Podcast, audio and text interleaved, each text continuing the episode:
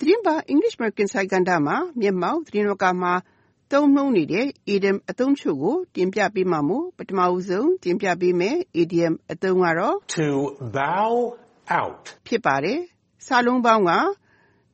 to bow to bow ကဥညွတ်တာ out out ကအပြင်ဖြစ်ပြီးစကားခုံရဲ့လုံးကောက်အဓိပ္ပာယ်ကဥညွတ်ပြီးအပြင်ထွက်တဲ့သဘောဖြစ်ပါတယ်။ဒီအသုံးရဲ့သွယ်ဝိုက် idiom အဓိပ္ပာယ်ကတော့ ယာဒူးကနေ သိက္ခာရှိရှိ နှုတ်ထွက်ပေးလိုက်တာ အသာတကြည် လက်မြောက်အရှုံးပေးလိုက်တာ ပြိုင်ပွဲ ဒါမှမဟုတ် ရွေးကောက်ပွဲမှာ ဝင်မပြိုင်တော့ဘဲ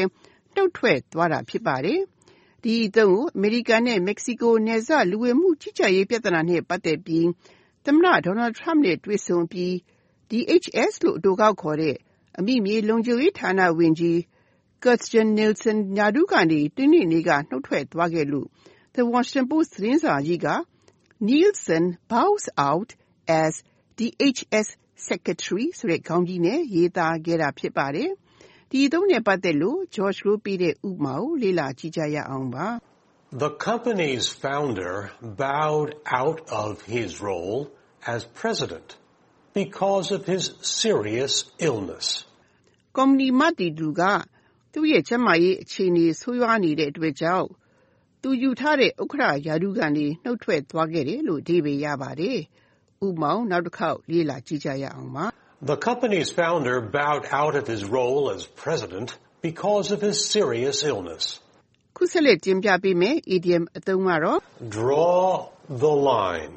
ဖြစ်ပါတယ်။စာလုံးပေါင်းက draw draw ကဆွဲတာ တားတာ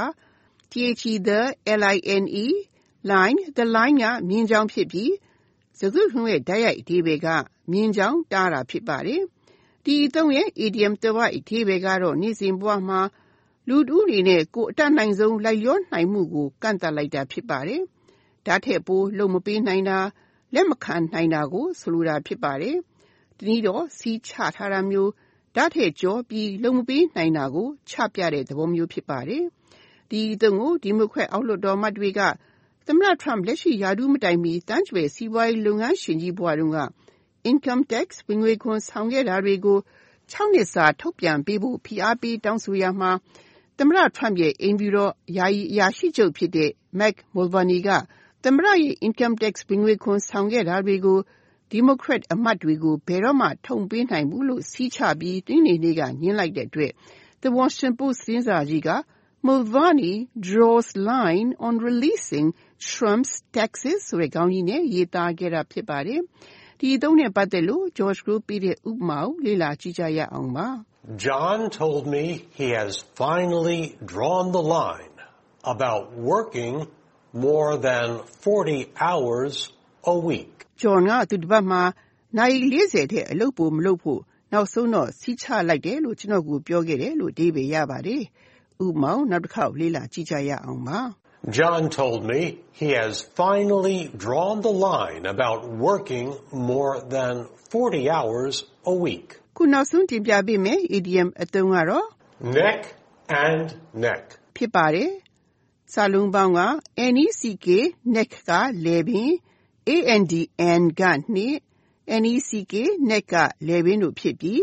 neck and neck ရဲ့စကားခုံရဲ့တိုက်ရိုက်အဓိပ္ပာယ်ကတော့ လည်ပင်းနဲ့လည်ပင်းဖြစ်ပါတယ်။ဒီအသုံးကလည်းမြင်းပြိုင်ပွဲကနေဆင်းသက်လာတာပါ။မြင်းပြိုင်ပွဲတွေကိုကြည့်ဘူးကြမယ်ဆိုရင်မြင်းတွေဟာတစ်ကောင်နဲ့တစ်ကောင်အပြိုင်အဆိုင်ပြေးကြရမှာသိပ်ပြေးကပ်နေလို့ရှိရင်လည်ပင်းချင်းထနေတဲ့ပုံကိုမြင်ကြရမှာပါ။ဒါကြောင့်လဲ neck and neck ဆိုတာကတော့သူမသားကိုမသားအခြေအနေမျိုးအနိုင်ရဖို့ကသိပ်ကပ်နေတဲ့အခြေအနေမျိုးသိပ်ကိုအကျိတ်နဲ့ဖြစ်နေတဲ့သဘောမျိုးကိုရည်ညွှန်းတာဖြစ်ပါတယ်။ ဒီအသုံးကို ဧပြီလ9ရက်နေ့က ကျင်းပပြီးစီးခဲ့တဲ့ Israel ရွေးကောက်ပွဲကြီးမှာ လက်ရှိဝန်ကြီးချုပ် Benjamin Netanyahu အနိုင်ရရှိခဲ့ပေမဲ့ရွေးကောက်ပွဲ ကျင်းပတဲ့နေ့တုန်းကတော့ exit polls လို့ခေါ်တဲ့ မဲပေးအပြီး မဲရုံအထွက် ကောက်ခံတဲ့ စစ်တမ်းတွေအရ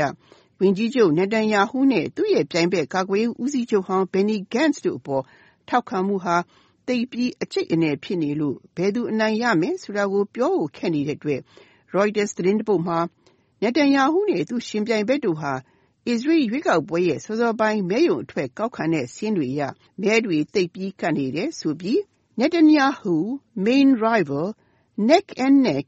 in Israel elections early exit polls ဆိုတဲ့ခေါင်းကြီးနဲ့ရေးသားခဲ့တာဖြစ်ပါတယ်။ဒီအသုံးနဲ့ပတ်သက်တဲ့ဥပမာကိုလေ့လာကြည့်ကြရအောင်ပါ။ The two candidates are neck and neck in public opinion surveys. So it's too early to say who will win at this point. ကိုယ်စားလှယ်လောင်းနှစ်ဦးတို့ကလူထုသဘောထားအမြင်ကောက်ခံချက်တွေမှာသူမသာကိုယ်မသာဖြစ်နေကြတယ်။ဒါကြောင့်လက်ရှိအခြေအနေမှာဘယ်သူအနိုင်ရမယ်ဆိုတာကိုပြောနိုင်ဖို့စောလွန်းနေသေးတယ်လို့အဓိပ္ပာယ်ရပါတယ်။ဥပမာကိုနောက်တစ်ခေါက်လေ့လာကြည့်ကြရအောင်ပါ။ The two candidates are neck and neck in public opinion surveys. So it's too early to say who will win at this point. ဒီသတင်းပတ်တင်ပြခဲ့တဲ့ idiom အသုံးတွေကတော့ To bow out, draw the line, neck and neck. တို့ဖြစ်ကြပါတယ်။နောက်သတင်းပတ်ခုလိုချီမျိုးမှလည်းနောက်ထပ် idiom အသုံးတွေကိုဆက်လက်တင်ပြပေးဦးမှာမို့စောင့်မျှော်နားဆင်ကြပါရှင်။